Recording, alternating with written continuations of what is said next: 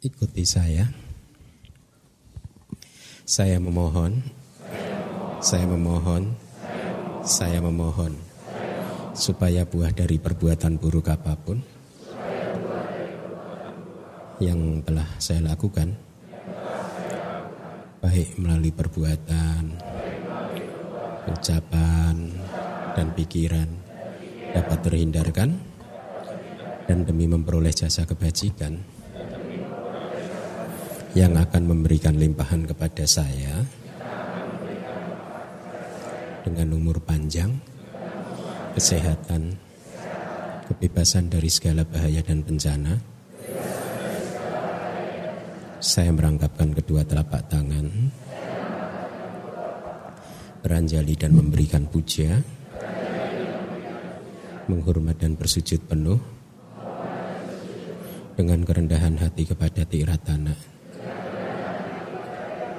Buddha, Dhamma, dan Sangga untuk kedua kalinya saya memohon saya memohon saya memohon supaya buah dari perbuatan buruk apa pun yang telah saya lakukan baik melalui perbuatan ucapan dan pikiran dapat terhindarkan dan demi memperoleh jasa kebajikan yang akan memberikan limpahan kepada saya dengan umur panjang, kesehatan, kebebasan dari segala bahaya dan bencana. Saya merangkapkan kedua telapak tangan, beranjali dan memberikan puja, menghormat dan bersujud penuh dengan kerendahan hati kepada Tiratana, Buddha, Dhamma, dan Sangga. Untuk ketiga kalinya, saya memohon, saya memohon, saya memohon, supaya buah dari perbuatan buruk apa pun yang telah saya lakukan, baik melalui perbuatan, ucapan, dan pikiran, dapat terhindarkan dan demi memperoleh jasa kebajikan yang akan memberikan limpahan kepada saya dengan umur panjang, kesehatan, kebebasan dari segala bahaya dan bencana. Saya merangkapkan kedua telapak tangan, beranjali dan memberikan puja menghormat dan bersujud penuh dengan kerendahan hati kepada Tiratana, Buddha, Dhamma, dan Sangga, dan dengan perbuatan yang baik ini, melalui sujud yang luhur, semoga saya selalu terbebas dari empat alam menyedihkan, tiga jenis malapetaka, delapan jenis keadaan yang tidak tepat, lima jenis musuh, empat jenis kemalangan, lima jenis kehilangan, segala jenis penyakit, dan 62 pandangan salah, serta secepatnya mencapai jalan kebebasan. Maga, buah, pala, dan dhamma mulia yaitu nibbana. Ahang bante. Saranena saha Anca sila damang ya jami Anugahang katwa silang teta ne bante Dutiyampi ahang bante tisaranena saha panca silang damang ya jami anugahang katwa silang teta me bante Tatiyampi ahang bante Isaranena saha Panca silang Damang yacami Anugahang katwa Silang tidak Me bante Yamahang wadami tang wadeda Namo tassa bhagavato arahato sama sambuddhassa Budang seranang gacami, damang seranang gacami, sanggang seranang gacami.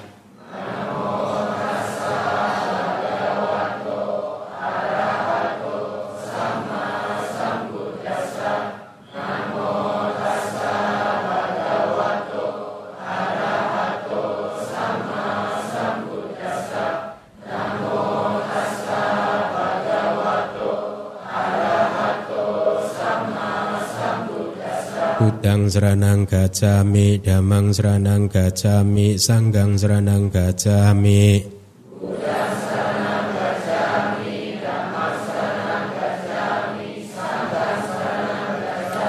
Dutiampi budang seranang gacami, dutiampi damang seranang gacami, dutiampi sanggang seranang gacami.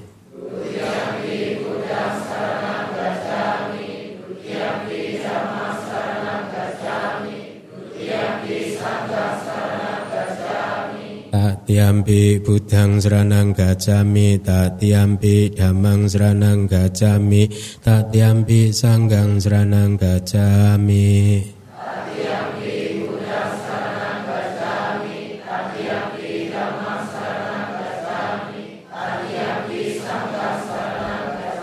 Gacami Sarana Gahanang Paripunang Satipata Wera Manisika Padang Samadhyami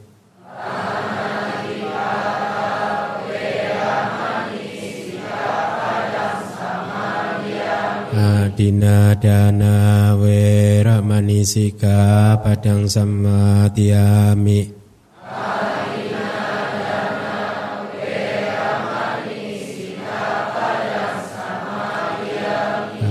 Kamesu mica cara wera manisika padang samadhyami.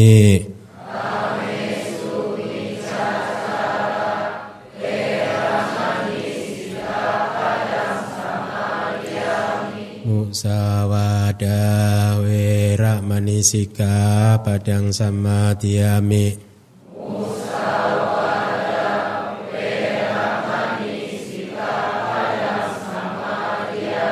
samadhyami Surame raya maja pamadatana Wera manisika padang samadhyami.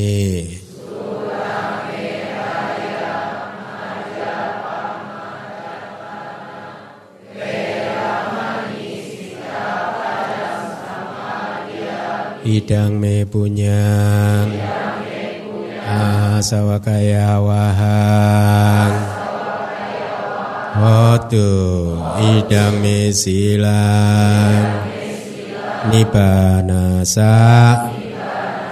Pacayo Hotu Di saranasa Pancasila Damang Sadukang Katua Pemadena Sampateda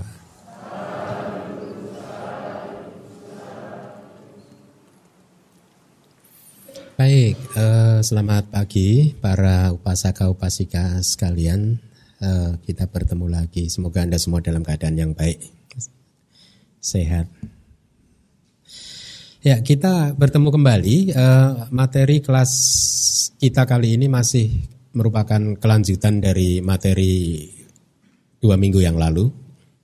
Sebelum di sela oleh acara Katina, ya seperti yang di kelas pertama dua minggu yang lalu saya sampaikan bahwa model pembelajaran yang akan saya sampaikan di ceramah ini tentang suta para bawa ini adalah model uh, bagaimana kita para anggota sangga belajar kitab suci ya. Mungkin sebagian dari Anda merasakan bahwa polanya sedikit berbeda ya. Eh, terkesan mungkin sedikit melambat ya. Eh, karena model pembelajaran seperti ini kita membuka kitab komentar, kitab tafsir ya. Dan di kitab komentar, kitab tafsir itu biasanya kata per kata, kalimat per kalimat itu diuraikan dengan uh, cukup detail. Dengan demikian kita tidak beropini, Ya, sering kali kan nah, yang di banyak kesempatan saya katakan kepada Anda bahwa Buddhisme, ajaran yang indah ini, Dhamma, ajaran yang sangat indah ini. Kenapa saya mengatakan sangat indah? Karena bukan apa-apa uh, usia saya udah 50 tahun di dalam satu kehidupan ini ibaratnya saya udah mampir ke sini mampir ke sana begitu. Dan menemukan ini paling indah ajaran yang sangat indah bukan karena saya seorang biku bukan karena saya adalah uh, umat Buddha tetapi benar-benar saya merasakan bahwa dharma ajaran Buddha ini sangat powerful ya. Sangat uh, efektif untuk membuat seseorang itu berubah, kualitas kehidupannya berubah menjadi sangat positif hanya dalam waktu yang sangat singkat. Ya, sangat singkat. Banyak sekali orang yang sudah berubah, yang tadinya mungkin dia sangat emosional, kemudian setelah mengenal Dharma jadi menjadi lebih lebih stabil emosinya dan sebaliknya kualitas-kualitas hati yang positif berkembang seperti kesabaran, cinta kasih, kebelas asihan. Paling tidak kalau Anda belajar dhamma, Anda mempunyai satu orientasi yang benar bahwa di dalam kehidupan ini ternyata kita adalah pencipta dari kehidupan kita sendiri. Ya, oleh karena itu jadilah pencipta kehidupan buat kehidupan Anda, bangunan kehidupan Anda yang baik. Untuk bisa menjadi seorang pencipta yang baik, maka Anda harus berilmu, Anda harus sekolah, arsitek itu pun juga melalui jenjang belajar 5 tahun, 6 tahun, 7 tahun untuk kemudian bisa merancang sebuah bangunan bertingkat yang sangat indah sekali. Nah, bahkan untuk membangun gedung ini saja si arsitek membutuhkan waktu bertahun-tahun, apalagi kita yang ingin membangun bangunan rumah kita. Kan kita semua ini ingin kan bangunan rumah kita ini indah. Dalam artian kita mempunyai kualitas kehidupan yang baik ya. E, mempunyai kualitas ketenangan kedamaian dan kebahagiaan yang stabil. Kan kita semua ingin itu. Tetapi banyak dari manusia yang tidak bisa mendapatkannya karena mereka bukan perancang kehidupan yang baik. Kenapa mereka tidak bisa menjadi perancang kehidupan yang baik? Karena mereka tidak pernah belajar mereka tidak punya ilmu untuk bagaimana merancang kehidupan ini dengan baik. Nah inilah mengapa salah satu alasan saya bersemangat untuk terus mengajar kalau Anda perhatikan saya boleh dikatakan sejak pulang ke Indonesia itu udah 5-6 tahun ini setiap hari Minggu minimal hari Minggu, rata-rata hari Sabtu Minggu, bahkan kadang pernah setiap malam saya berceramah ke sana, di sana sini. Gitu. motivasinya adalah karena saya ingin berbagi, ajaran yang indah ini sehingga semakin banyak umat Buddha mengerti kitab sucinya. Banyak kan dari Anda yang masih belum mengerti kitab suci Anda kan? Hmm? Hmm, kitab sucinya di mana? Ini Bante kecil KTP, IKTP, NIK sekian Bante. Kayak gimana um, uh, umat beragama tapi tidak mengetahui kitab sucinya ya. Oleh karena itu uh, kembali lagi saya mulai memperkenalkan kepada Anda cara belajar biku, sangga di luar negeri ya. Jadi kita itu dididik untuk tidak beropini. Ya, oleh karena itu kita dibekali kemampuan untuk membuka kitab-kitab tersebut ya, untuk menerjemahkan kitab-kitab tersebut ya. Nah, eh, model yang pertama saya ambilkan suta dari Anggutara Nikaya ya, eh, judulnya adalah eh sorry, bukan Anggutara, Kudaka Nikaya. Nikaya yang terakhir. Uh, judulnya adalah para bawa. Nah, yang kedua, kalau minggu lalu saya terjemahkan jadi khotbah tentang kehancuran, tetapi demi akurasi terjemahan maka saya rubah menjadi tentang keruntuhan. Hampir sama artinya, keruntuhan itu juga kehancuran kan. E, kalau kehancuran itu kita mempunyai kata Pali di suta ini yaitu winasa, binasa. Itu. Tapi kan sekarang kita berbicara tentang kata Pali para bawa Ya, jadi saya kemudian putuskan untuk merubah translationnya menjadi keruntuhan, khotbah untuk keruntuhan. Tetapi sekali lagi artinya sama, kehancuran, keruntuhan. Inti dari suta ini sebenarnya adalah uh, para dewa setelah mendengarkan penjelasan Buddha di Manggala Sutta, ya, uh, kemudian mereka berpikir Buddha baru saja menjelaskan tentang sebab-sebab dari keberhasilan, kan? Keberhasilan kehidupan seseorang bahwa kalau anda ingin berhasil, ingin sukses di dalam kehidupan ini, ya maka uh, Belilah 38 amulet yang ada di Manggala Suta itu. Apa saja 38 amulet jimatnya? Sewana cak balanang, tidak berkumpul dengan orang tidak bijaksana, berkumpul dengan orang bijaksana, puja cak puja neyanang, menghormati mereka yang pantas untuk dihormati ya. Kemudian apalagi patik rupa desa waso tinggal di tempat yang suitable, yang yang yang apa eh, strategis dekat dengan wihara, dekat dengan sangga dan di mana Anda kemudian bisa belajar dan seterusnya. Itulah jimat Buddhis 38 Buddhis dan kemudian para dewa ini berpikir karena bagaimana kalau kemudian kita tanyakan juga kepada Buddha apa sih sebab-sebab yang bisa membuat kehidupan seseorang itu hancur? Bisa membuat kehidupan uh, seseorang itu berantakan Ya, e, minggu lalu sudah e, dua minggu lalu sudah saya sampaikan bahwa baru-baru ini belum lama saya mungkin sebulan dua bulan yang lalu saya bertemu dengan atau mungkin lebih dari dua bulan bertemu dengan kawan saya yang mungkin empat tahun yang lalu saya masih bertemu dengan dia dan saya bermudita cita karena melihat dia sudah berhasil kehidupannya. Dan rumah tangganya bagus Ya secara ekonomi sangat berhasil karena dia menjadi satu pengembang developer di salah satu kota besar di Indonesia. Jadi waktu saya bertemu dengan dia itu dalam hati saya saya ikut bermudita cita ya mengapresiasi kesuksesan dia dan saya sempat dibawa dia ke rumah dia bertemu dengan istri dan anak-anaknya. Nah singkat cerita itu empat tahun yang lalu. Beberapa bulan yang lalu dia menemui saya dan dia menyampaikan semua permasalahan kehidupannya di mana bisnisnya hancur, rumah tangganya berantakan dan lain sebagainya. Dalam waktu lihat 3 4 tahun segala sesuatu bisa di, dari puncak di langit sana sampai terbanting jatuh ke bumi gitu. Berantakan kehidupannya gitu. Ya setelah uh, berdiskusi agak panjang lebar saya mengetahui bahwa selama ini pola kehidupan dia juga maaf itu juga ada yang kurang benar ada yang salah satunya itu disampaikan oleh Buddha sebab-sebab dari kehancuran kehidupan seseorang. Jadi kembali lagi, para bawa suta berbicara tentang tanya jawab antara dewa yang uh, dari dari dari sepuluh ribu alam semesta, sepuluh ribu galaksi yang berkumpul dan kemudian Dewa Saka meminta salah satu dewa muda untuk bertanya ke Buddha ya karena mereka ingin tahu tidak hanya sebab-sebab keberhasilan tetapi juga ingin tahu tentang sebab-sebab e, keruntuhan atau kehancuran kenapa seseorang manusia atau makhluk apa pun itu juga bisa terjadi di dalam kehidupan ini hidupnya hancur.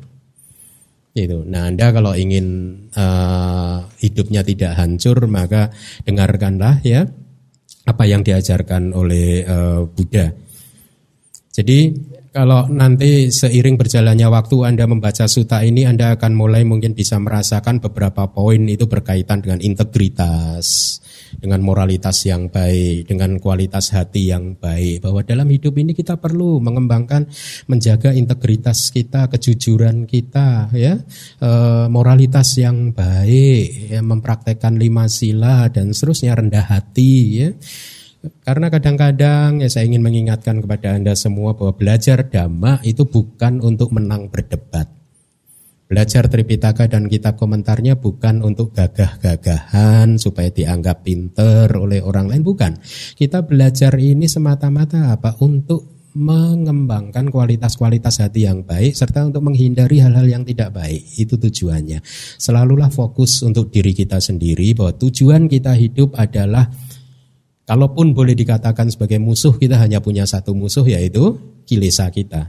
Ya, jadi kesombongan, tinggi hati itu pun juga termasuk kilesa, kotoran batin. Jadi itu pun juga harus kita hindari. Nah, seperti biasa saya ingin eh, meminta Anda untuk membaca suta secara keseluruhan terlebih dahulu supaya Anda tahu suta ini secara utuh bagaimana dan kemudian saya akan mencoba menyampaikan kepada Anda tafsir atau komentar atau penjelasan dari kalimat-kalimat yang ada di Suta para bawa atau khotbah tentang keruntuhan. Oleh karena itu mari dibaca. Demikianlah yang telah saya dengar. Pada satu waktu, Bagawa tinggal di wihara Anata Pindika di hutan Jeta dekat Sawati. Pada waktu itu, ketika malam telah larut, satu dewa tertentu dengan keelokannya yang indah sesekali menerangi keseluruhan hutan Jeta, mendatangi tempat di mana Bagawa berada. Setelah mendekat dan memberi hormat, dia berdiri di satu sisi. Berdiri di satu sisi, dewa tersebut berkata kepada Bagawa dalam bentuk syair.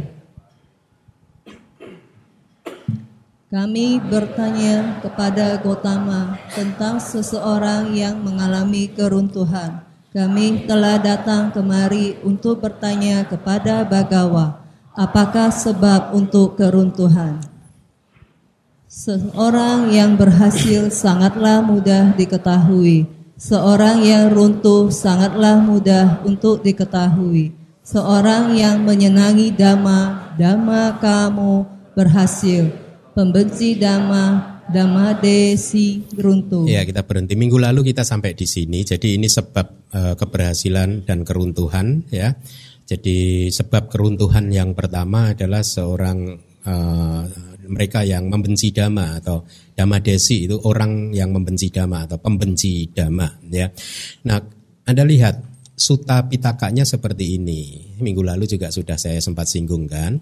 Kalau Anda tidak suka dengan kitab komentar, Anda menolak kitab komentar dengan argumen bahwa kitab komentar bukan ditulis oleh Buddha, meskipun ini uh, masih bisa dipertanyakan uh, pendapat Anda yang seperti itu atau pendapat siapa pun yang seperti itu ya. Lalu pertanyaan saya, bagaimana Anda memahami uh, syair yang nomor 92 itu? Apa yang disebut seseorang yang menyenangi dhamma? Apa yang disebut sebagai seseorang yang membenci dhamma? Kalau Anda tidak membuka kitab tafsirnya kan Anda kemudian beropini. Ya pokoknya membenci dhamma, menyen tidak menyenangi dhamma, dhamma apa pun itu juga. Karena ada yang pernah mengatakan kan dhamma tidak hanya yang ada di Tripitaka, di luar Tripitaka pun juga ada dhamma. Jadi pendapat-pendapat seperti ini uh, tidak grounded, artinya mereka mencampur adukkan terminologi satu dan terminologi dua dicampur dan kemudian mengemukakan pendapat. Inilah mengapa yang kemudian membuat apa yang uh, pernah saya sampaikan bahwa Buddhisme di Indonesia itu apa? Sedang lucu-lucunya. sedang lucu-lucunya, masih dalam proses pertumbuhan dan perkembangan gitu ya. Harus banyak minum susu, minum vitamin gitu biar cepat gede. ya kita membutuhkan kitab komentar dan di kitab komentar dijelaskan bahwa yang menyenangi dhamma adalah yang menyenangi untuk melakukan apa? 10 jalan kama baik. Yang membenci dhamma membenci dhamma apa yang disebut sebagai 10 jalan kama uh, pembenci, membenci kama baik. Gitu. Akhirnya melakukan karma buruk. Kan begitu ya. Jadi yang kalau Anda tidak suka melakukan 10 jalan kama baik, maka itulah sebab kehancuran. Saat ini mungkin belum hancur. Tetapi semakin sering perbuatan buruk itu dilakukan, maka perbuatan buruk itu mempunyai dua poin. Pertama, perbuatan buruk itu sendiri merupakan karma buruk. Kedua, perbuatan buruk itu adalah pupuk buat timbunan karma buruk yang sudah kita lakukan sejak awal samsara hingga saat ini. Dengan demikian perbuatan buruk yang kita lakukan melalui ucapan, perbuatan tubuh, tangan maupun pikiran itu juga menyuburkan benih-benih karma buruk yang sudah tertimbun di arus kesadaran ini sejak awal samsara hingga saat ini. Jadi sangat berisiko ya. E, satu saat cepat atau lambat karma buruk akan tumbuh dan kalau ini tumbuh dia berbuah kemudian akan membuat kehidupan seseorang itu bisa runtuh atau hancur ya. Nah, ini sebab yang e, pertama, mari kita lanjutkan sutanya. Demikianlah kami mengetahui hal ini. Inilah sebab pertama untuk keruntuhan. Beritahukanlah yang kedua Bagawa, apakah sebab untuk keruntuhan?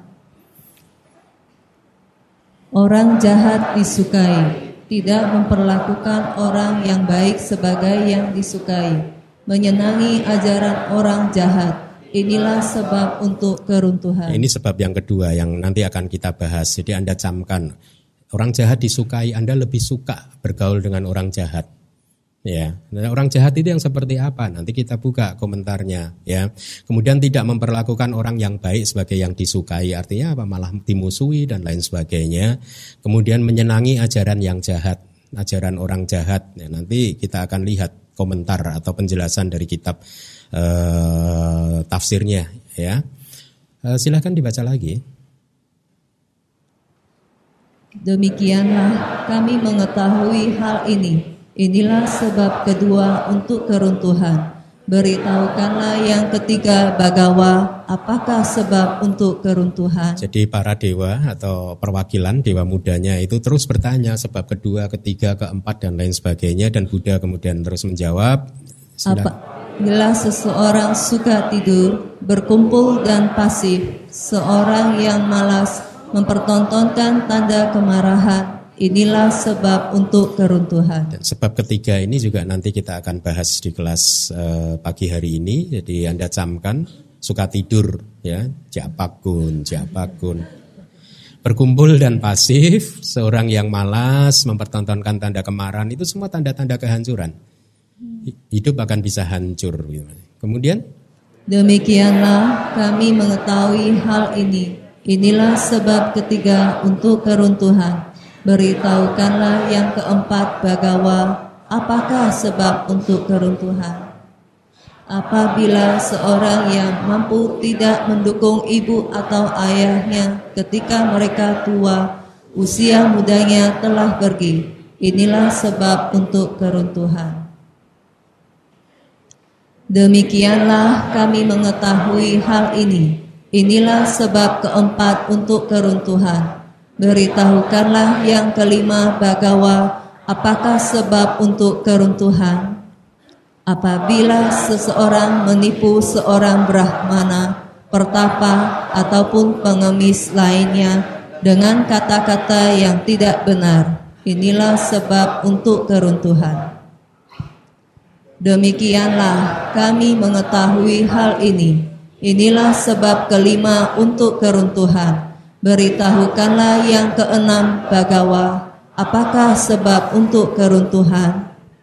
Apabila seseorang yang memiliki harta kekayaan berlimpah, memiliki emas dan makanan makan makanan yang lezat sendirian, inilah sebab untuk keruntuhan. Demikianlah kami mengetahui hal ini Inilah sebab keenam untuk keruntuhan.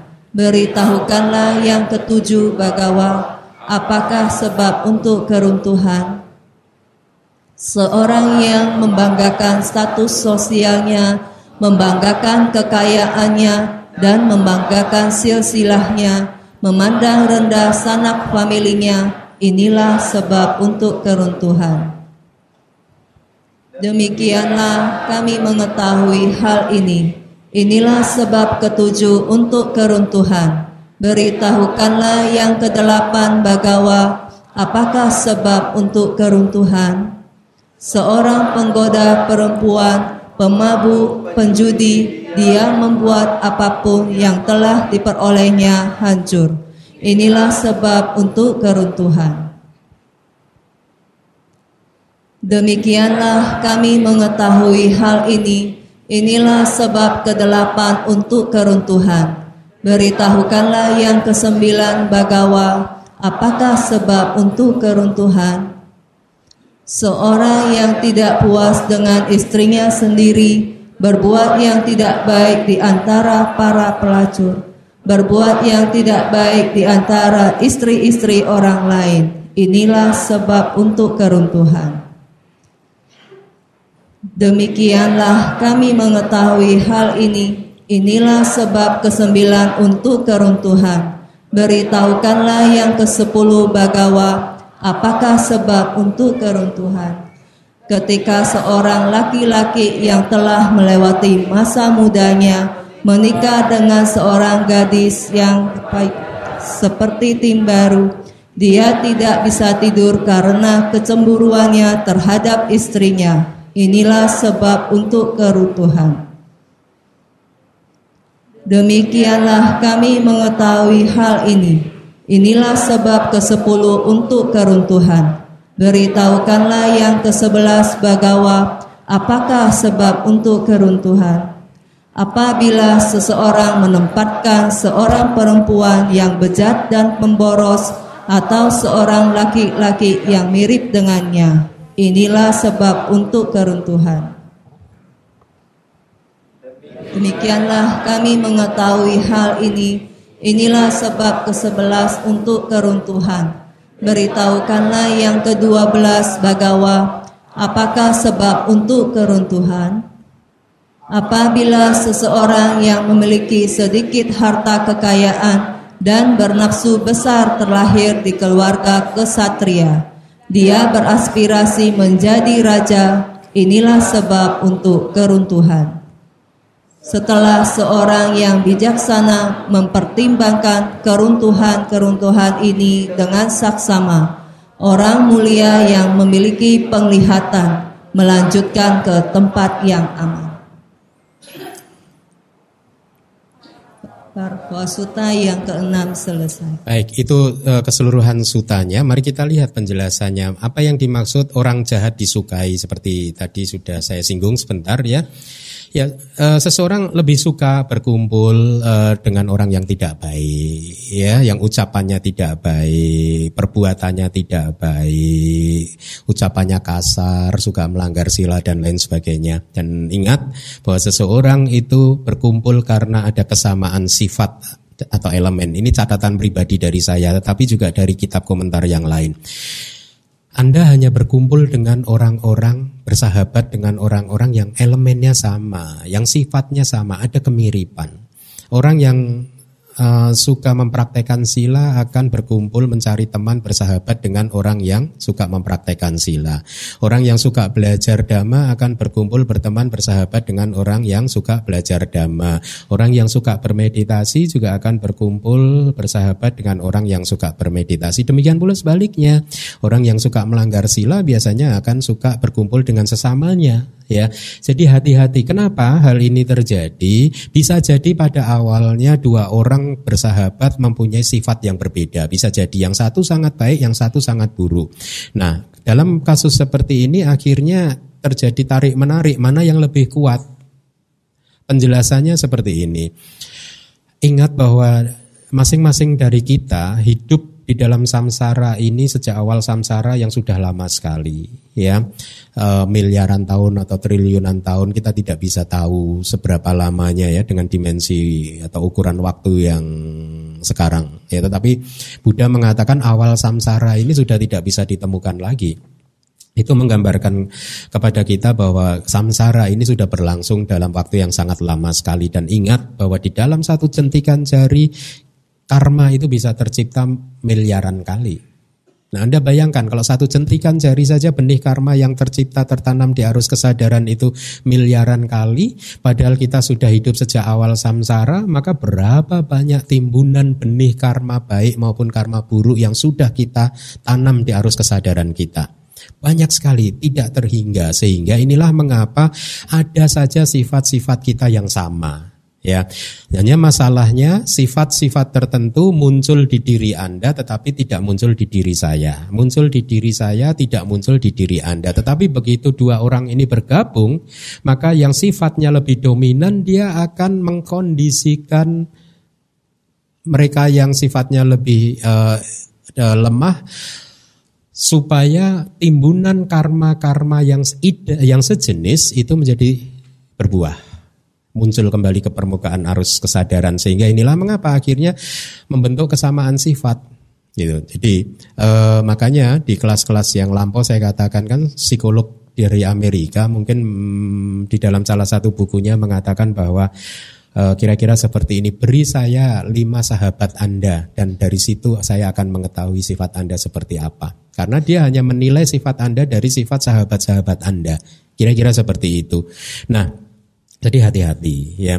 Kalau seseorang yang menyukai orang yang jahat, maka itulah yang menjadi sebab dari kehancuran atau keruntuhan. Nah, kemudian kitab komentar juga mendefinisikan apa yang disebut orang jahat ada di layar yaitu enam guru cak sataro enam guru. Anda yang mengikuti kelas bedah suta dengan Bikuni Pasadika sudah sekilas dibahas ya enam guru itu misalkan siapa sih?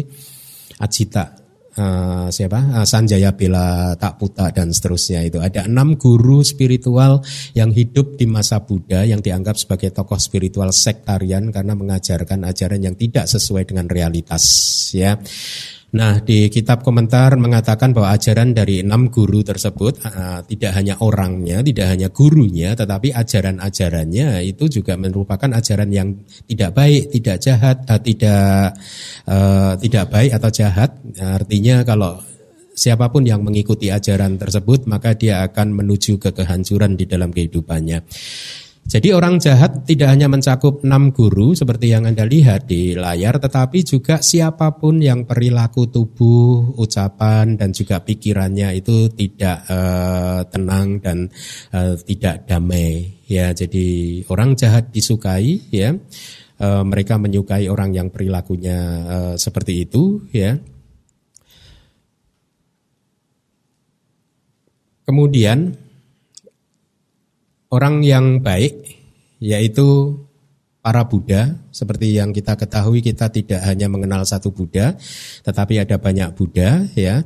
Kemudian Paceka Buddha dan murid-muridnya ataupun siapa pun yang perilaku tubuh ucapan dan uh, pikirannya itu uh, tenang dan damai Ya, jadi uh, tidak memperlakukan orang yang baik sebagai yang disukai. Jadi kalau siapa pun yang tidak memperlakukan orang yang baik sebagai orang yang disukai, tidak memperlakukan orang baik sebagai sumber inspirasi, tidak memperlakukan orang baik sebagai guru untuk menimba ilmu, ya, tapi sebalik, sebaliknya malah menyukai orang yang tidak baik, ya, maka inilah sebab dari uh, keruntuhan atau kehancuran.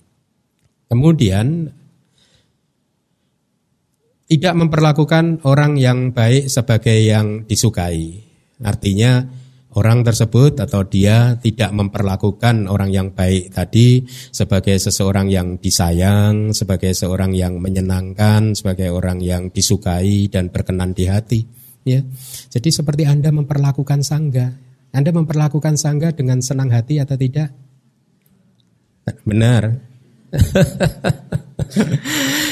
Jadi eh, bukan sebaliknya ya, eh, karena seseorang tidak memperlakukan orang yang baik sebagai orang yang disukai, tetapi sebaliknya malah memperlakukan orang yang tidak baik sebagai orang yang disukai, menyukai orang yang pemarah, yang bicaranya kasar, ya perilakunya kasar, ya jalan ketebak ketebu ke sana ke sini, begitu, ya itu pun menjadi sebab keruntuhan atau kehancuran dari kehidupan seseorang. Kalau kita mengatakan sebab keruntuhan dan kehancuran, jangan kemudian berpikir, Bante saya sudah melihat ada orang berkumpul dengan orang yang kasar tetapi hidupnya fine-fine saja. Ya karena belum saja, waktunya belum tiba saja. Ya, Baik, mari kita lanjutkan menyenangi ajaran uh, orang jahat. Nah, kita akan bahas apa itu ajaran orang jahat atau ajaran yang tidak baik.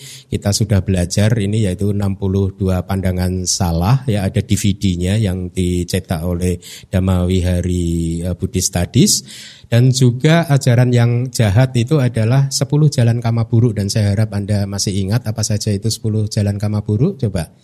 Apa saja 10 jalan kama buruk masih ingat? Berapa yang melalui karma buruk yang dilakukan melalui pintu tubuh? Hah? Tiga yang melalui pintu ucapan? Empat yang melalui pintu batin?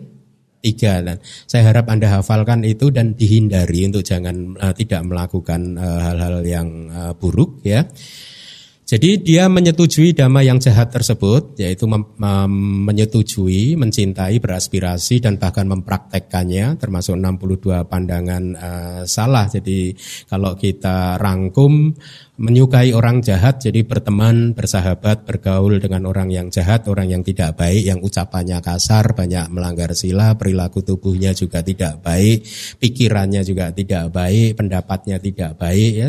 tidak memperlakukan orang baik sebagai yang disukai, itu artinya bahkan tidak hanya uh, tidak bergaul dengan orang yang baik, tetapi bahkan dimusuhi. Sering kan ya seseorang membicarakan orang yang baik dimusuhi, difitnah, dijelek-jelekan. Maka hal seperti ini pun menjadi sebab dari uh, kehancuran. Uh, seseorang yang memiliki tiga kualitas tadi, yaitu apa? Uh, menyukai orang jahat, kemudian tidak memperlakukan orang baik sebagai yang disukai, kemudian menyenangi ajaran yang uh, tidak baik atau ajaran orang jahat Sebenarnya tidak harus tiga-tiganya itu dilakukan di dalam suta ini meskipun Buddha menyebutkan beberapa sebab kehancuran tetapi hendaknya dipahami bahwa bahkan kalau seseorang itu hanya melakukan satu dari banyak sebab kehancuran yang disampaikan oleh Buddha itu pun sudah cukup untuk membuat seseorang hidupnya hancur. Kalau perbuatan tersebut berbuah, maka kehancuran dan keruntuhan kehidupanlah yang akan uh, didapatkannya. Ya, Seseorang yang uh, melakukan sebab-sebab kehancuran uh, seperti yang tadi sudah disebutkan, tidak hanya dia hanya menuju ke arah kehancuran di dalam kehidupannya sendiri, tetapi juga sesungguhnya dia tidak berkembang di dalam kehidupan ini. Sangat sayang ya apa e, menyia-nyiakan kehidupan yang berharga ini ya dengan melakukan hal-hal yang tidak baik hanya semata-mata karena ketidaktahuan. Semata-mata karena orang tersebut tidak tahu mana yang baik dan mana yang tidak baik, mana yang harus dilakukan dan mana yang tidak boleh dilakukan. Dan inilah mengapa belajar dharma itu menjadi penting sekali karena dari dharma lah kita tahu mana yang harus kita lakukan dan mana yang hendaknya tidak kita lakukan.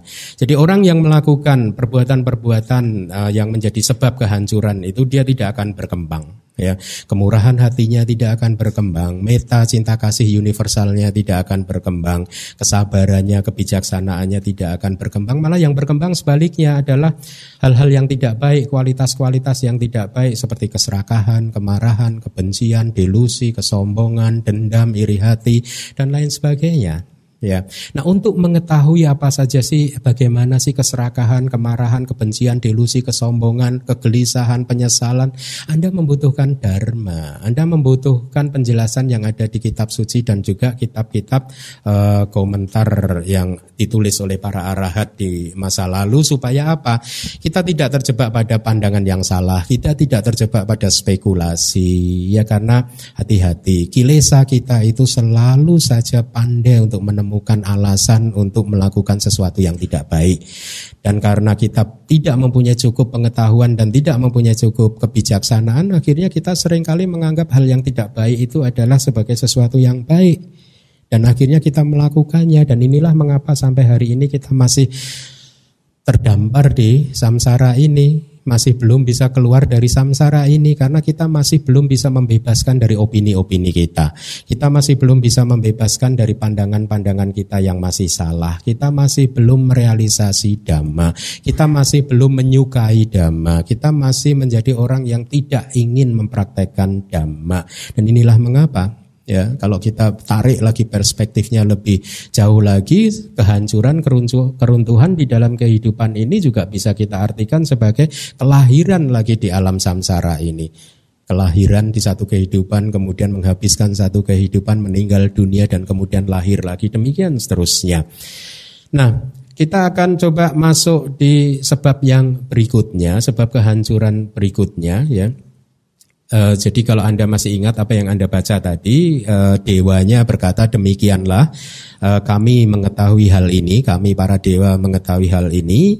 Inilah sebab kedua untuk keruntuhan. Kemudian dewanya kemudian bertanya lagi kepada Bagawa, beritahukanlah yang ketiga Bagawa, apakah sebab untuk keruntuhan yang ketiga? Dan kemudian Buddha menjawab, apabila seseorang suka tidur. Kemudian suka berkumpul ya dan pasif. Seorang yang pemalas, menunjukkan tanda kemarahan di muka umum. Inilah sebab untuk uh, keruntuhan. Jadi uh, uh, apa? Suka tidur itu ya sehari 24 jam tidurnya berapa? Anda berapa jam sih tidurnya? Sehari? Hmm? 8 jam ya? Ya, berarti 30% dari kehidupan Anda untuk tidur. Terus WA berapa jam? Facebook berapa jam? Hah? Ke mall berapa jam? Belajar dhamma setiap hari berapa jam? Dua jam Bante seminggu. Lihat, kalau sebenarnya dengan menggambarkan hal-hal seperti ini, dengan menanyakan hal-hal seperti ini, hendaknya membuat Anda tersadarkan betapa di dalam kehidupan ini banyak dari kita yang tidak mampu mengatur waktu kehidupan ini dengan baik gitu tidak mampu mengatur waktu kehidupan ini dengan bijaksana akhirnya dibuang untuk melakukan hal-hal yang tidak baik ya. Padahal belajar dhamma sebenarnya Dua, eh, saat, dua jam di dalam satu minggu aja udah powerful. Sudah bagus sekali. Coba bayangkan kalau Anda belajar dhamma satu jam setiap hari. Cukup banyak enggak sih satu jam setiap hari kan harusnya enggak ya.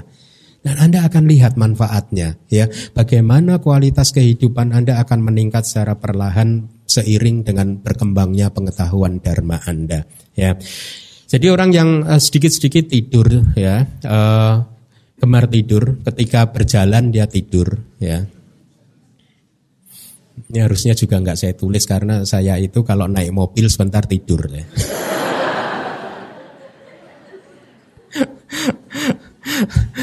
uh, duduk sebentar tidur, berdiri sebentar tidur dan rebahan sebentar tidur ya. Uh, orang yang seperti ini sedang melakukan sebab untuk uh, kehancuran atau keruntuhannya. Mari kita lihat di layar uh, suka berkumpul yaitu uh, seseorang yang menyukai pergaulan kelompok, suka bersosialisasi. Ya, apa sih zaman istilah modernnya apa sih orang yang seperti ini? Sosialita, ha, ha, sosialita suka kumpul sini, suka kumpul sana. Apalagi dunia sosial media seperti sekarang ini kan sudah menghubungkan kita ya dari dunia timur ke barat, dari uh, utara ke selatan semua terhubung ya. Kalau zaman 20 tahun yang lalu kan susah bertemu teman. Beberapa hari yang lalu saya mengatakan atau kemarin ya, mungkin zaman-zaman sekarang ini reuni sekolahan sudah kehilangan pamornya ya. Kalau dulu kan reuni ini tiap lima tahun, tiap 10 tahun ada reuni. Kenapa? Karena kita jarang bertemu. Nah sekarang kita tiap menit bisa bertemu. Jadi reuni tiap hari reuni. Nah pertanyaannya adalah mari kita renungkan. Pada saat kita uh, berkumpul dengan orang, uh, teman-teman sahabat-sahabat kita ya, mungkin kumpul di mall ini, di mall itu, besok di restoran ini, besoknya lagi di restoran itu. Coba mari kita renungkan. Materi apa yang Anda bicarakan?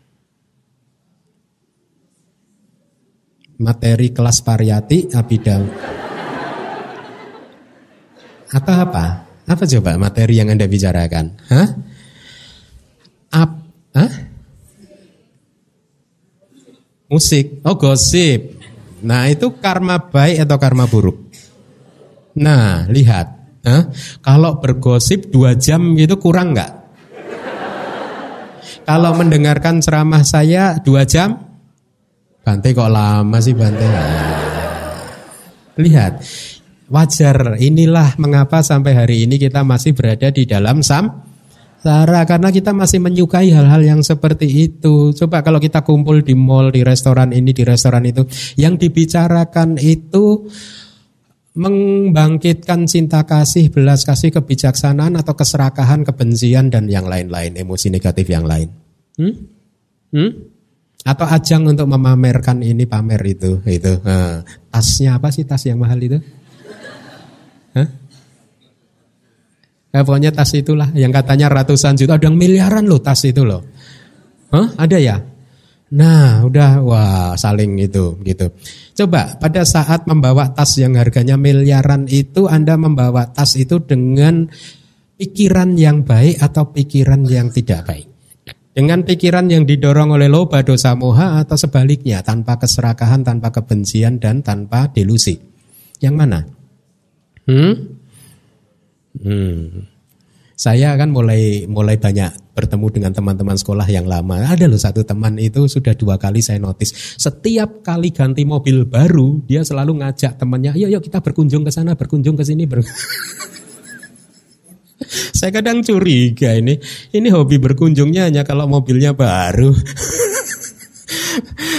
Jadi lihatlah eh, kadang ya suka berkumpul dengan teman, bergaul dengan teman, membicarakan ini, membicarakan itu. Kalau kita tidak penuh pengendalian diri, kita tidak mempunyai batasan-batasan mana yang baik dan mana yang tidak baik, bisa saja kita terjebak pada hal-hal yang tidak baik dan inilah mengapa ini bisa menjadi sebab kehancuran. Karena apa? Berkumpul bisa menjadi sebab munculnya kilesa. Ya, kilesa yang muncul melalui ucapan, kilesa yang eh kemarin loh saya lihat sih itu sombong sekali ya. Gitu. Anda oh iya panas kan? Iya sih saya juga perhatikan. Tadi padahal sebelumnya Anda tidak pernah membahas kesombongan orang tersebut. Tapi gara-gara ada pemantiknya ada pemicunya dipikir oh iya juga ya. Iya loh saya pikir-pikir iya loh. Sejak tahun lalu malah saya malah mengira Jadi lihat dari hati teman pergaulan Anda bisa menjadi pemicu munculnya kilesa-kilesa di dalam hati kita. Nah orang yang berikutnya yang menciptakan sebab kehancuran adalah orang yang pasif. Nah kitab komentar memberikan penjelasan orang yang pasif itu adalah dia tidak mau berusaha, pasif, tidak mau berusaha. Kalau eh, gagal di dalam bisnis dia menyerah, ya tidak mengeluarkan segenap daya dan usaha untuk memperbaiki nasibnya ya. Seseorang yang tanpa energi dan kekuatan artinya itu tadi sama seseorang yang tidak mau berusaha ya. Tidak mempunyai kebiasaan untuk memperbaiki diri ya. Kebiasaannya apa berarti? Kalau dia tidak mempunyai kebiasaan untuk memperbaiki diri, berarti kebiasaannya apa? Memperbaiki orang lain. Dharma tidak mengajarkan kepada kita untuk fokus pada orang lain. Kalau seseorang yang selalu fokus perhatiannya diarahkan ke orang lain bahwa setiap kegagalan, setiap kehancuran yang dia alami itu karena disebabkan oleh orang lain. Inilah yang terjadi akhirnya dia berusaha terus untuk memperbaiki orang lain, tetapi sesungguhnya dharma mengajarkan kepada kita bahwa apa pun yang terjadi pada kita itu karena memang sesungguhnya kita pantas untuk menerimanya. Jadi artinya apa? Yang harus kita perbaiki diri kita sendiri, bukan orang lain. Beberapa hari yang lalu saya memberi eh, nasihat kepada salah satu murid ya bikuni ya yang saat ini sedang di Pekanbaru bahwa pada saat memberikan ceramah dhamma kamu harus selalu fokus pada audiens, selalu fokus pada uh, murid ya supaya apa? Supaya tujuan kita dalam artian begini. Ini agak berbeda. Tujuan kita adalah pada saat kita fokus pada murid, tujuan kita adalah untuk membuat murid atau umat yang datang itu paham dharma. Kalau kita malah ini fokus kepada diri sendiri, maka yang yang yang timbul bisa jadi malah kesombongan dan seterusnya. Ya ini agak berbeda ya. Jadi eh, selalu kalau kita fokus untuk membuat orang lain berkembang, artinya akan memunculkan meta, karuna, kesabaran, bagaimana menyampaikan dharma supaya umat itu paham dan seterusnya. Tetapi dalam konteks pengalaman kehidupan yang menimpa kehidupan kita di dalam kehidupan ini, kita harus selalu fokus kepada diri kita sendiri ya bahwa apa pun yang terjadi di dalam kehidupan ini datang kepada kita karena di masa lalu kita telah melakukan karma dan karma tersebut sekarang berbuah ya. Jadi dengan demikian maka akan muncul usaha untuk memperbaiki diri. Kalau kita selalu fokus kepada orang lain sering kali malah usaha tidak akan muncul. Pada saat kita gagal kita menyalahkan orang lain. Pada saat hidup kita tidak sesuai dengan harapan kita, kita menyalahkan orang lain. Demikian seterusnya, ya. Nah, mari uh, kita uh, lihat lagi di layar uh, penjelasan dari kitab komentar ya malas. Apa yang disebut malas tipe pemalas. Senantiasa dikuasai oleh kemalasan sehingga dia hanya berdiri di tempat dia berdiri, dia hanya duduk di tempat dia duduk karena kurang energi ya, tidak membuat gerakan lain dengan usahanya uh, sendiri. Ini menarik sekali. Kata malas itu bahasa palinya alaso ya, mirip dengan kata Inggris apa? lazy Ya mirip ya.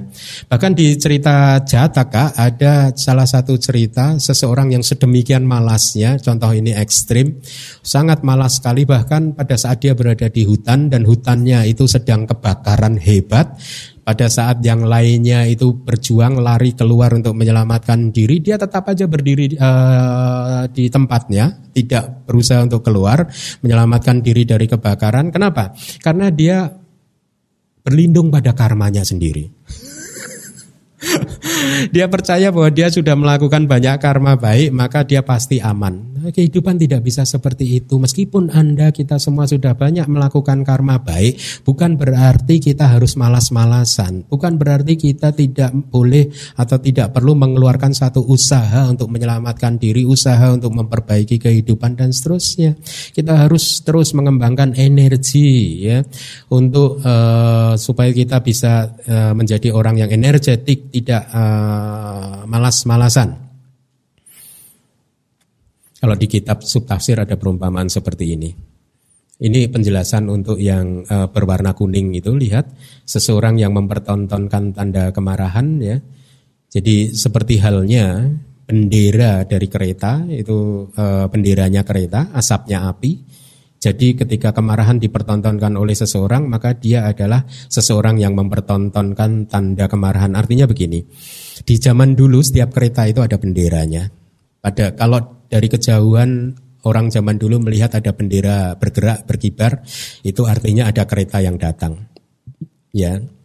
Dan zaman sekarang pun juga kalau kita melihat di kejauhan ada asap maka kita tahu bahwa itu ada api gitu ya.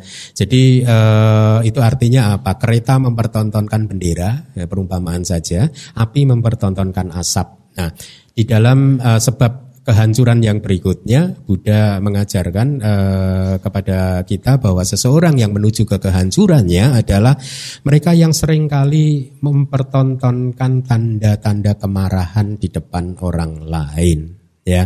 Memang benar bahwa kemarahan adalah kilesa yang sangat kuat yang hanya bisa dihancurkan oleh anagami maga, oleh jalan anagami. Artinya apa? Sebelum menjadi seorang anagami, kemarahan itu masih bisa muncul. Ya, siapa pun dari non anagami kecuali anagami dan arahat, maksud saya, itu masih mempunyai kemarahan dan kebencian, tetapi jangan kemudian dipertontonkan ya kita sering kan mendapat contoh-contoh di zaman sekarang ini. Ada aja kan karena uh, apa uh, sosial media sudah uh, siapa pun sudah bisa mengakses sosial media. Ada saja kan orang yang selalu mempertontonkan kemarahannya dan bahkan bangga. Hmm? Seringkali kita tidak diberi contoh yang baik uh, di dalam kehidupan ini ya. Orang yang berkata-kata kasar, mempertontonkan uh, uh, raut wajahnya yang penuh dengan kebencian, dendam dan kemarahan ya. Berkata-kata dengan sangat keras sampai urat lehernya hampir putus dan bangga lagi. Dan celakanya banyak yang ikut lagi.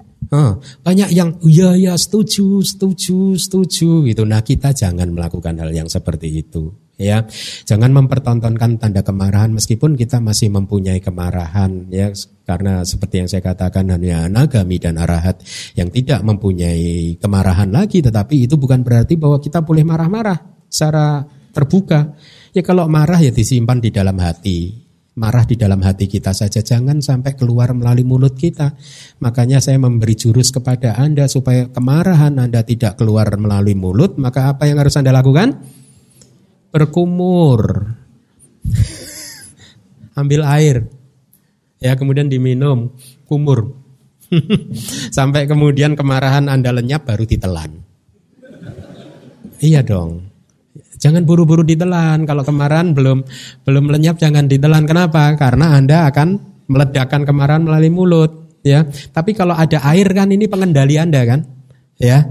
Kenapa? Kalau Anda meledak kemarahan Anda kan airnya muncrat ke sana sini gitu. Jadi akhirnya membuat Anda tidak jadi marah. Jadi eh, jangan eh, tidak mempertontonkan kemarahan. Mereka yang mempertontonkan tanda kemarahan adalah mereka yang sedang apa eh, melakukan sebab yang bisa membuat kehidupannya hancur.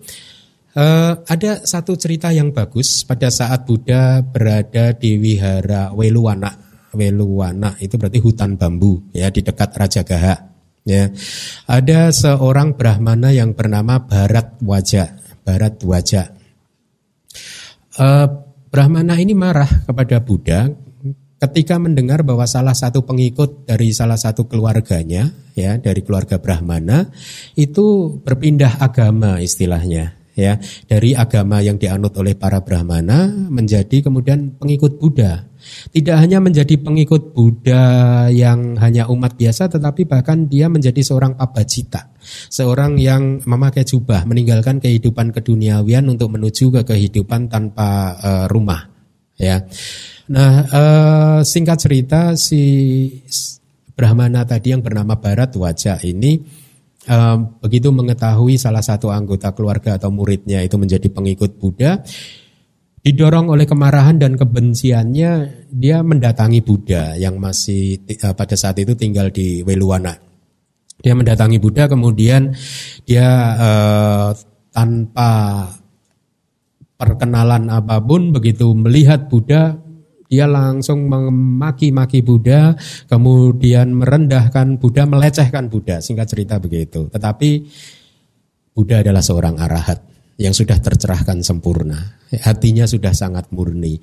Menerima cacian, celaan, pelecehan yang sedemikian tidak sempat membuat hatinya tergores. Ya inilah keindahan hati seorang arahat. Hatinya sudah tidak mudah goyah lagi. Sudah bukan tidak mudah, sudah tidak bisa digoyang lagi oleh uh, angin kilesa apa pun, oleh uh, angin-angin duniawi. Buddha menerimanya dengan tersenyum, membiarkan uh, Brahmana itu selesai dengan perkataannya dan setelah selesai kemudian Buddha berkata, "Wahai Brahmana, Apakah uh, kamu sering menerima kunjungan dari teman-teman kamu atau mungkin dari sanak famili kamu atau mungkin dari uh, ya uh, apa teman-teman saudara dan lain sebagainya yang berkunjung ke rumah gitu, gitu pertanyaan Buddha. Kemudian Brahmananya menjawab, "Iya Buddha, kadang saya menerima kunjungan mereka." Kemudian Buddha berkata lagi, apa yang kamu lakukan pada saat menerima kunjungan mereka? Apakah kamu kemudian menjamu mereka dengan makanan? Atau juga bahkan mungkin menyediakan mereka tempat untuk beristirahat? Kemudian Brahmana yang bernama Barat Wajah tadi e, menjawab, ya tentu saja. Saya kemudian e, mem mempersembahkan makanan dan bahkan menawarkan tempat beristirahat buat tamu-tamu saya. Kemudian Buddha berkata lagi, lalu bagaimana Brahmana? Seandainya tamu-tamu kamu tadi itu menolak tawaran kamu. Lalu apa yang terjadi dengan makanan dan juga tempat tinggal tersebut? Itu kemudian menjadi milik siapa? Si Barat Wajah menjawab, ya kalau mereka menolak tentu saja makanan dan tempat penginapan ini tetap menjadi milik saya. Kemudian Buddha menutup ceramah damaknya yang singkat ini dengan kata-kata yang mencerahkan demikian pula dengan saya Barat Wajah. Kamu mempersembahkan kepada saya kata-kata kasar, kemudian kata-kata yang melecehkan dan saya tidak mau menerimanya, maka biarlah kata-kata itu menjadi milik kamu kembali. nah, ini kan sangat menginspirasi ya. Jadi nanti kalau di rumah atau di apa ada yang marah-marah begitu, ingat, hmm? saya tidak mau menerimanya, biarlah itu menjadi milik kamu selama-lamanya gitu. Siapa yang menjadi korban kemarahan kita? Yang pasti diri sendiri. Orang lain belum tentu menjadi korban kemarahan kita. Orang lain belum tentu stres menderita gara-gara kemarahan kita, tetapi kita yang marah sudah stres dan menderita terlebih dahulu. Hmm?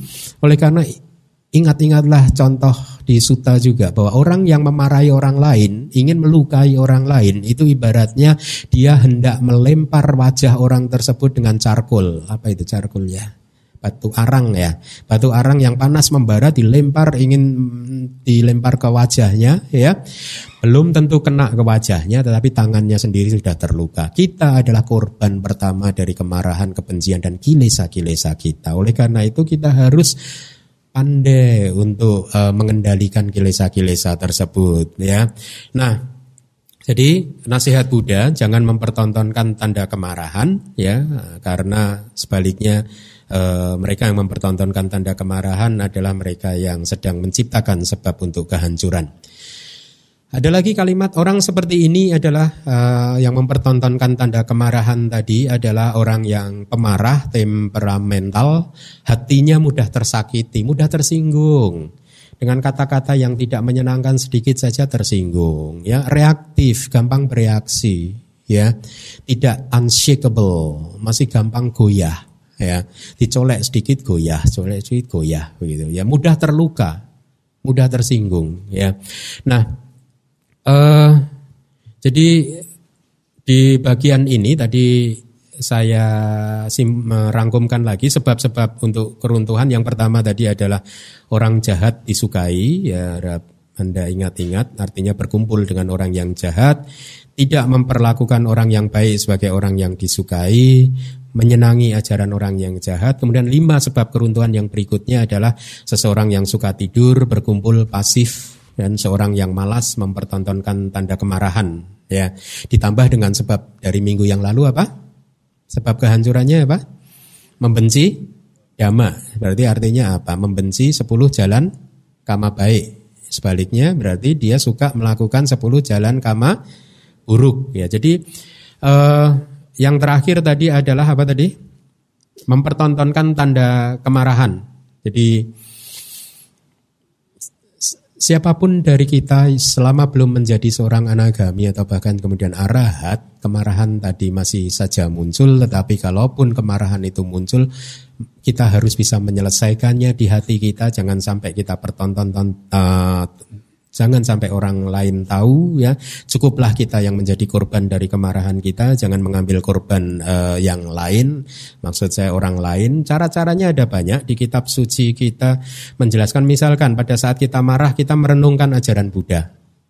Ya merenungkan ajaran Buddha, itipiso, bagawa, arahang, sama sambudo atau membaca parita apa pun. Maka dengan demikian kemarahan bisa uh, lenyap dari hati kita ya. Eh, atau kemudian eh, merenungkan misalkan kemarahan itu sangat merugikan kita. Kita adalah korban pertama dari kemarahan ya.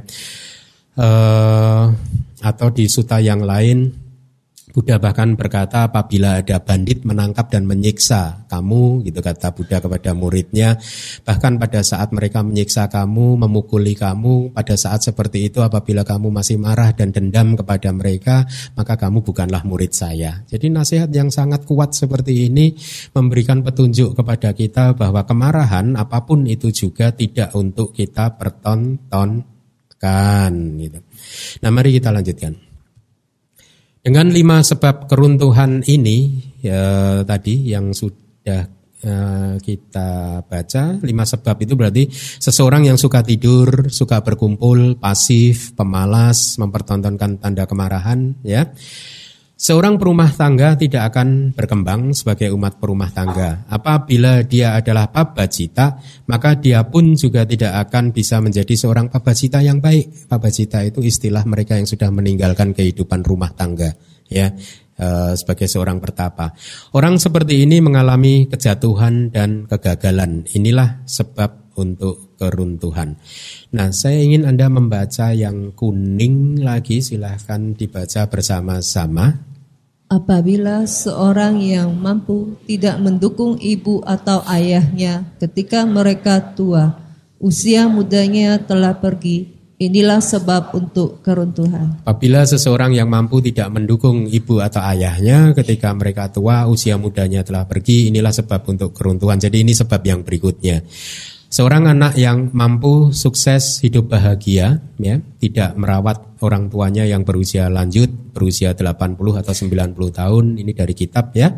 Dan sudah tidak mampu melakukan pekerjaan untuk dirinya sendiri, yaitu yang dimaksud tidak merawat orang tuanya ya.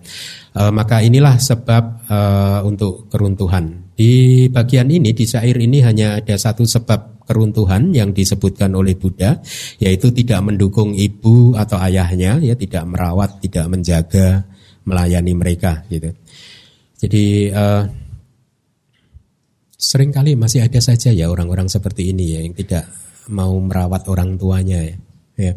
Padahal kalau kita renungkan jasa budi baik dari orang tua itu kan tidak ternilai kan Bahkan Buddha juga menyampaikan di dalam banyak kesempatan bahwa kita tidak akan pernah bisa loh membalas budi uh, terhadap apa yang sudah kita terima dari orang tua kita. Diberi contoh yang sangat uh, ini bahwa seandainya pun selama 100 tahun itu kita menggendong uh, kedua orang tua kita ya di kedua bahu kita dan kemudian kita bawa berkeliling dunia selama 100 tahun itu pula kita biarkan mereka untuk maaf buang kotoran di tubuh kita dan setiap hari kita mengurapi dia, mengolesi dia dengan minyak supaya tidak pegal-pegal, bahkan itu pun tidak cukup untuk membayar budi baik yang sudah kita terima dari mereka atau yang sudah mereka lakukan kepada kita. Ya. Pernahkah Anda, kalau Anda masih kurang sayang, kurang cinta pada orang tua, karena ada saja orang-orang yang merasa bahwa mereka bisa sukses, berhasil di dalam kehidupan ini karena murni dari usahanya sendiri, ya tanpa bantuan orang tua. Dan inilah mengapa. Baru-baru ini kan juga terjadi kan seorang anak memenjarakan orang tuanya ya. Ada ya? Ada kan ya? Lihatlah hal-hal seperti itu terjadi loh. Hmm? Seandainya saja mereka itu mengkilas balik merenungkan kehidupannya betapa orang tuanya dulu telah merawat dia sejak mereka atau dia masih berada di dalam kandungan coba. Hmm? Atau kita saja mari kita renungkan. Kalau kita misalkan masih berpikir bahwa kita bisa menjadi manusia seperti hari ini murni usaha kita, ya coba mari kita renungkan. Apabila mamah kita dulu waktu kita masih berada di dalam kandungan kita itu careless, ceroboh, ya, kandungannya berjalan dibentur-benturkan ke tembok. Kita bisa lahir normal seperti ini tidak sih? Hmm? Nah itu saja sudah menggambarkan betapa betapa kasih sayang orang tua kita khususnya mama kita dalam menjaga kehidupan kita supaya kita ini bisa mempunyai fisik yang baik, sehat, kemudian juga bisa mempunyai kehidupan yang baik. Itu pun sudah tidak mungkin kita bisa menyamai perbuatan baik tersebut sehingga sudah menjadi kewajiban buat kita untuk uh, apa mendukung uh, orang tua kita ketika mereka tua ya usia mudanya telah pergi ya. Tapi kadang juga sering saya menemui satu kejadian di mana sering kali kan orang tua itu dulu berpikir kalau mereka mempunyai banyak anak ya mereka berpikir saya harus punya anak banyak nih supaya nanti masa tuanya saya tidak kesepian. Anda juga berpikir begitu mungkin kan? Hmm? Tapi hati-hati loh. Kejadiannya tidak selalu begitu loh. Ya ada aja orang tua yang punya anak banyak, tetapi begitu anaknya udah menikah semua, akhirnya keluar dari rumah orang tuanya tinggal sendirian lagi. Hmm? Kehidupannya kemudian apa uh, sepi lagi. Gitu. Jadi uh, banyak saja kejadian-kejadian seperti itu. Ya anak-anak meninggalkan orang tuanya karena sibuk dengan rumah tangganya masing-masing, sibuk dengan karirnya masing-masing sehingga orang tuanya dibiarkan tinggal sendirian, tidak dirawat ya. Eh, hal-hal seperti ini tentu saja tidak baik. Maka mumpung Anda masih mempunyai orang tua, ada enggak yang di sini datang bersama orang tuanya? Hmm? Ada ya? Hmm. Say I love you mama. ah, sadu, sadu. Mumpung kesempatan itu ada, ya kita tidak tahu kapan kita berpisah dengan orang tua kita kan? Ya, jadi mumpung mereka masih ada, maka mari kita tunjukkan bakti kita kepada orang tua. Karena kalau kita tidak merawat orang tua, membiarkan orang tua kesulitan di hari tuanya, maka itulah sebab dari kehancuran. Sebaliknya kalau kita merawat orang tua, memperhatikan orang tua maka itu adalah perbuatan yang sangat mulia, perbuatan yang sangat baik ya. Baik, jadi uh, mari kita lanjutkan. Seseorang yang tidak mendukung, tidak merawat, tidak melayani orang tuanya eh, tidak akan mendapatkan manfaat yang demikian. Ini kata-kata dari Buddha di Itik Utaka Anggutara Nikaya. Oleh karena pelayanannya atau pelayanan seorang anak terhadap ibu dan ayahnya, maka orang bijaksana memujinya di sini. Jadi mereka yang berbakti kepada orang tua dipuji oleh para orang bijaksana, ya. Dan setelah meninggal, dia pun akan bergembira di surga. Artinya apa? Dari merawat orang tua, berbakti kepada orang tua. Kalau karma ini berbuah, dia bisa mendukung seseorang untuk terlahir di surga atau bahkan bisa menjadi karma produktif untuk terlahir di surga karena merawat, menghormati mereka yang pantas untuk dihormati itu juga merupakan satu kebajikan gitu. Ya. Nah, jadi Mari kita tutup kelas ini. Saya ingin merangkum apa saja yang sudah kita pelajari pagi ini. Uh, apa saja sebab keruntuhan yang hari ini kita pelajari? Hmm? Yang terakhir tadi, yang lima tadi apa? Suka tidur, kemudian suka berkumpul di sini, di sana, restoran ini, restoran sana, mall sini, mall sana, pasif.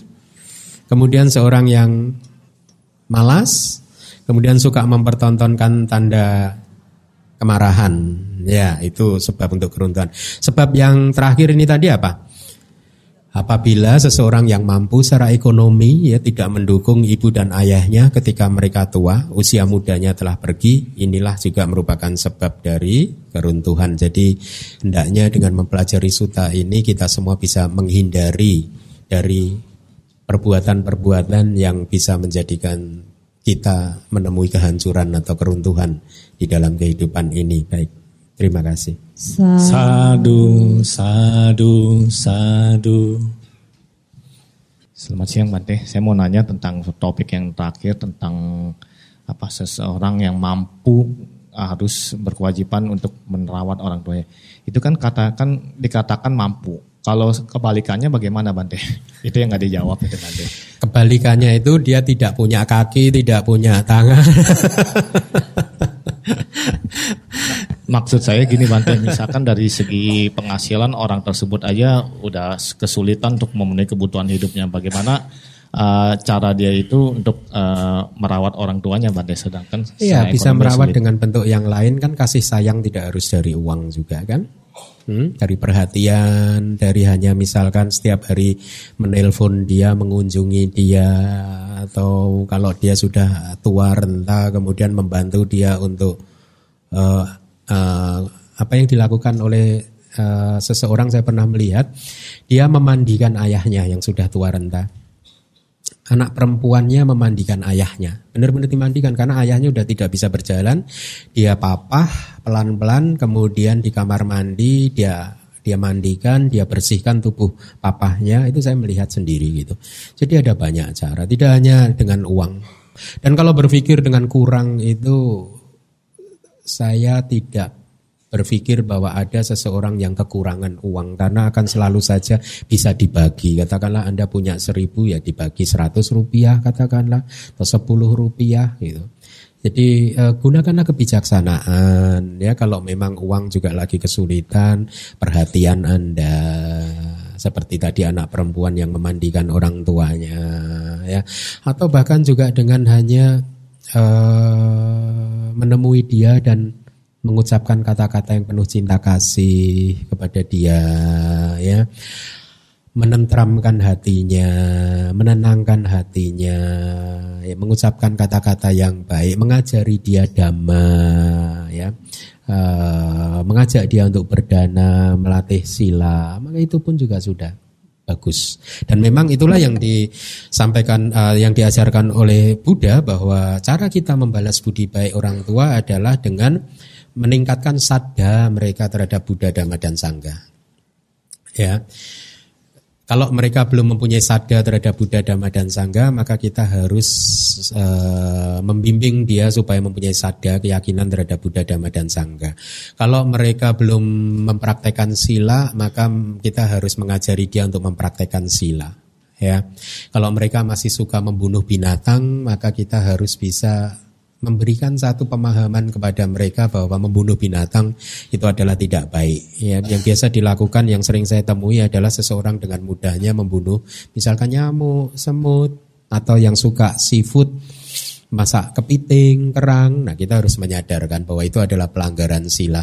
Jadi ada empat hal sada, sila, cagak, panya. Itu yang harus kita uh, ajarkan kepada orang tua kita. Sada itu keyakinan, caga itu kemurahan hati, eh, sila itu Pancasila ya. Kemudian caga itu kemurahan hati, kita harus ajari mereka untuk sering berdana ya. Berdana kalau nggak punya uang bagaimana ya makanan. Ya saya mengajari orang tua saya ya, untuk berdana makanan juga kan karena dia juga hidup juga sendirian makanan sering lebih begitu. Maka ada saja tetangga-tetangga yang seusia dengan dia yang kekurangan kemudian saya sarankan untuk mengajak mereka makan atau memberikan sebagian dari makanan eh, kepada mereka. Tetapi cara yang benar adalah bukan Anda makan dulu sisanya diberikan kepada mereka. Bukan, cara yang benar adalah Anda masak makanan dan sisihkan dulu untuk orang lain. Pertama harus disisihkan untuk orang lain. Buddha di dalam salah satu suta berkata, seandainya saja semua orang tahu manfaat dari berdana seperti yang saya ketahui, maka mereka tidak akan makan makanan apa pun tanpa pertama kali terlebih dahulu membaginya kepada orang lain. Jadi membagi itu dilakukan di awal, bukan di akhir. Ntar aja deh kalau sisa kita bagi ya. Enggak, enggak begitu. Di awal sudah kita putuskan saya ingin berbagi. Dan inilah tradisi yang baik di Sangga. eh, Sangga itu mempunyai kebiasaan kalau kita makan bersama ya di dalam satu meja, biasanya kita akan secara otomatis saya akan mengambilkan nasi, kari dan lain-lain untuk teman sang uh, biku yang lain dan mereka juga akan membalas begitu. Gitu. Jadi sebelum saya mengisi piring saya, saya mengisi piring kawan saya. Bukan sebaliknya, saya isi dulu penuh, sisanya saya enggak. Jadi begitu berdana. Maka dengan demikian maka kualitas kemurahan hati kita meningkat. Sada sila cagak panya yang keempat adalah kebijaksanaan. Ya kita harus eh, membantu mereka untuk meningkatkan kebijaksanaannya. Kebijaksanaan yang seperti apa? Kebijaksanaan yang memahami kehidupan ini dengan benar bahwa ada manfaat dari berdana. Berdana itu baik. Bahwa ada manfaat untuk uh, apa misalkan menghormati leluhur, menghormati orang tua. Ada manfaat untuk melatih atau mempraktekkan mengamalkan sila dan seterusnya. Jadi dengan demikian maka kita telah membalas budi sesuai dengan anjuran Buddha yaitu meningkatkan empat hal sadda, sila, caga, panya. Ya, baik. Sukihotu Bante, saya cuma mau sharing aja Bante mengenai terutama tadi e, merawat orang tua ya saya ada dengar kabar ya. Jadi anaknya ini dia kuliah di Kanada. Dibiayai nama ibunya. Sampai susah payah cari uang kumpul sehingga anaknya bisa lulus di sana dan bekerja dan kemudian menikah ya. Nah, mamanya kan seneng ya. Dipikir anaknya sudah sudah berhasil, sudah berkeluarga, sudah kerja. Nah, maksudnya yang di Indonesia ini rumah segala hartanya dia mau jual, kemudian dia mau tinggal di Kanada bersama anaknya. Tetapi ini juga sangat miris juga, anaknya tersebut tidak mau terima. Istilahnya, udah mama jangan ke sini. Jadi segala biaya apa yang dikeluarkan mama itu nanti bilang ke saya nanti saya akan ganti. Ya dengan susah payah akhirnya ya e, ibu itu mamanya itu ya menerima apa yang dikatakan anaknya. Nah, ini kan bagaimana perasaan seorang ibu terhadap anaknya yang memperlakukan orang tuanya seperti itu. Yang saya mau tanya itu karma seperti apa yang bisa diterima oleh anak tersebut? Terima kasih. Buah dari buah dari perbuatannya maksudnya Ya, maksudnya buah dari perkataannya nanti. iya. Uh, kalau kita berbicara tentang karma produktif kan uh, eh, 10 jalan karma yang buruk. Anda masih ingat kan 10 jalan karma yang buruk itu uh, apa saja? Mari kita lah coba sebutkan 10 jalan karma buruk apa saja? Tiga yang melalui pintu tubuh apa saja? Membunuh, Hah?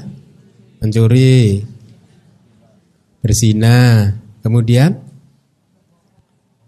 Hmm? berbohong, kemudian? Berkata-kata yang kasar, kemudian? Hmm? Memfitnah, kemudian? Omong kosong, kemudian? Hmm? Ketamaan, kemudian hmm? pikiran jahat, ya kan? Kemudian yang ke sepuluh pandangan yang salah. Nah, perbuatan tadi yang disampaikan oleh penanya tadi masuk dari sepuluh perbuatan ini enggak? Hmm? Yang mana? Hmm? Tidak mem uh, memperlakukan orang tua yang uh, dengan baik. Tidak ada ya. Tidak ada.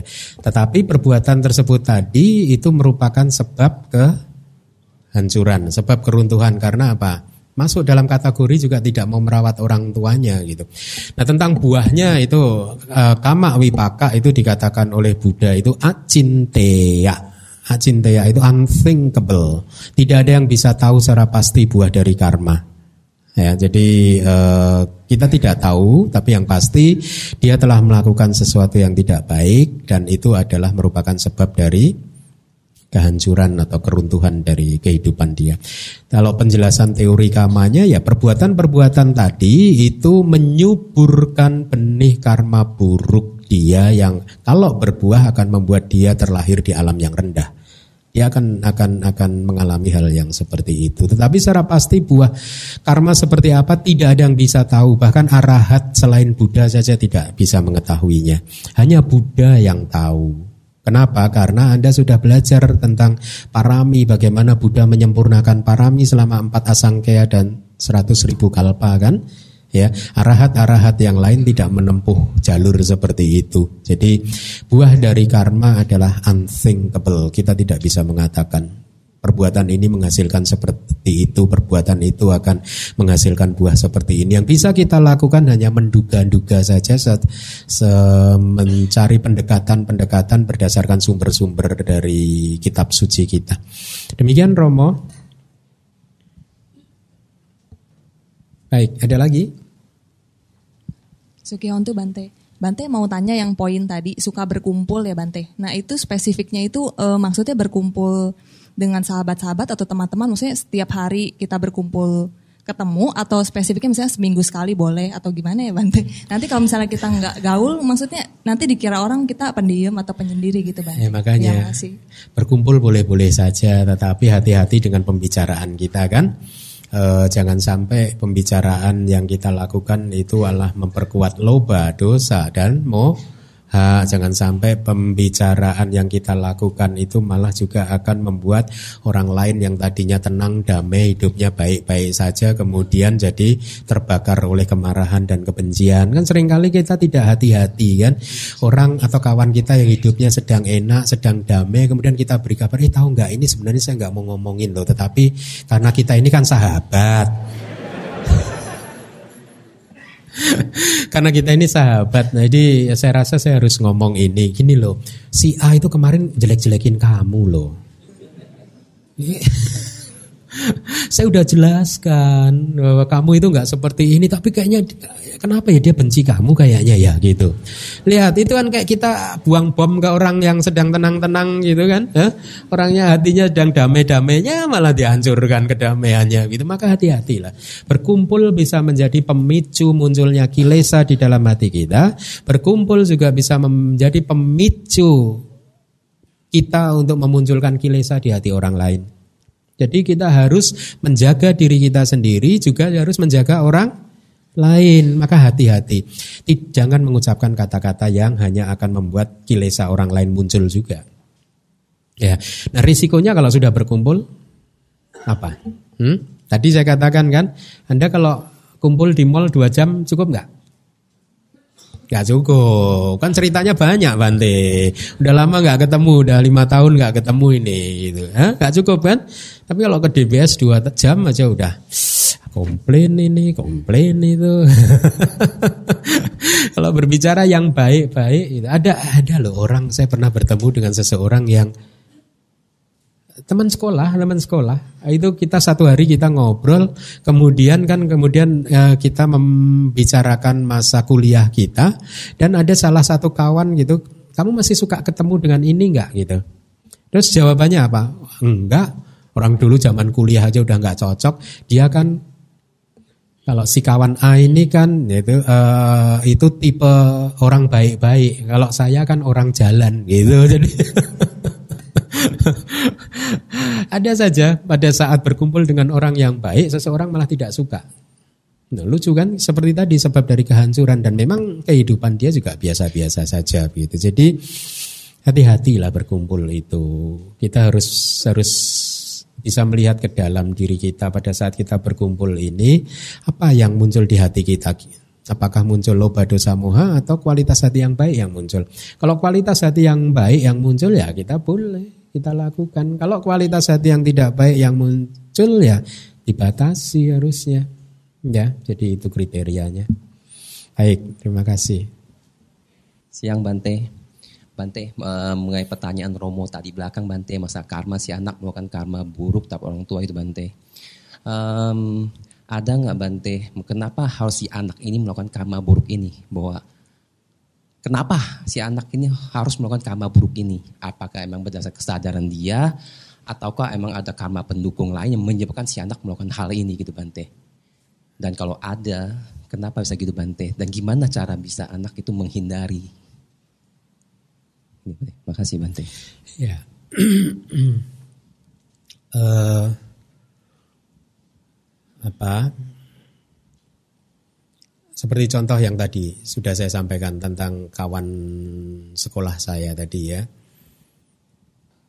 Ada dan itu terjadi pada banyak orang banyak sekali seseorang yang di masa mudanya, dari masa kecil, mereka adalah orang yang baik. Ya. Bahkan di dalam perjalanan kehidupan saya juga saya pernah mengalami. Pada saat masa remaja itu saya sempat menjadi seseorang yang ya, artinya suka main ke sana, suka main ke sini, jarang di rumah begitu. Ya, yang itu saya anggap itu saya keluar jalur salah gitu ya. Uh, tapi saya juga banyak melihat seseorang yang di masa kecilnya itu baik, ya sangat santun, hatinya baik, ya tetapi begitu sudah dewasa, tua, dia berubah menjadi orang yang berbeda, ya. Nah, kenapa hal itu terjadi? Seringkali yang saya lihat karena salah pergaulan, salah guru, bisa jadi, ya dia mengambil guru spiritual yang keliru, ya. E, kemudian dia menganut paham yang keliru, ajaran yang keliru, berarti artinya dia mempunyai pandangan salah, ya.